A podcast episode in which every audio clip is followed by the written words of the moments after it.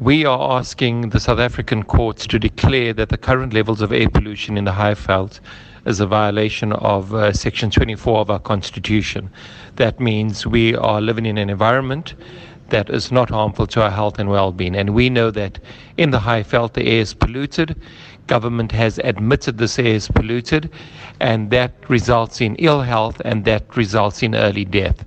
And so, what we essentially asking from the court case is that government ensures that there are regulations in place to govern industry to reduce pollution in the area. Peak sê hulle is lank reeds in samesprekings met die regering gewikkel, maar sonder enige sukses. We have been speaking to government since 2007 when they declared the area a priority area and that meaning that they recognize that there's unacceptable levels of air pollution in the area that would impact on people's health.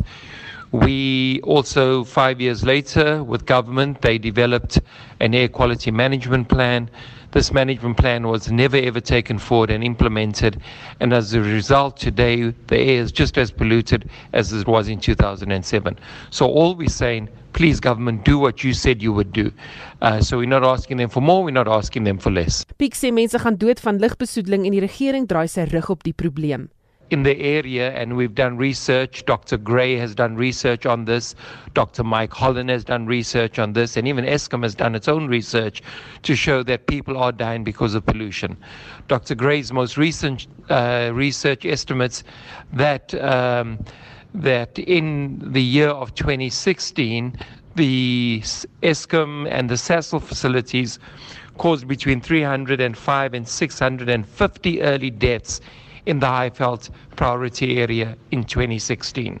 We also know that Dr. Mike Holland, when he did research some years ago, that he recognized, and with the Eskom pollution, that more than 2,000 people also died annually. That's all of Eskom throughout the country. So, the type of illnesses we find is uh, we find heavy metals like mercury, we have sulfur dioxide all going into the air and fine particulate matter. And this causes illnesses such as asthma, bronchitis, and lung cancer, and even contributes to strokes, hearts, and birth defects and premature death. So these are real hardcore issues that are impacting upon poor South Africans. And let me stress, is the poor that are suffering the most. Peek sê mense wat steenkool en hout brand draak by tot die besoedeling, maar nie soveel soos Eskom en Sasol nie. Peak sê weer eens het die regering nie sy beloftes in die verband nagekom nie. in terms of people burning coal and people burning wood indoors, that is a that is a, a issue that we need to be concerned about. Uh, but it's very clear from from all the research done to date that the air pollution from the industries uh, far outweigh the air pollution from the people burning uh, coal and wood indoors. But what's really important about the coal and, and, and wood burning indoors, government has committed itself already in, in the 2000s that they will develop a new um, settlements uh, program, a human settlements program that will allow for renewable energy to be placed in homes.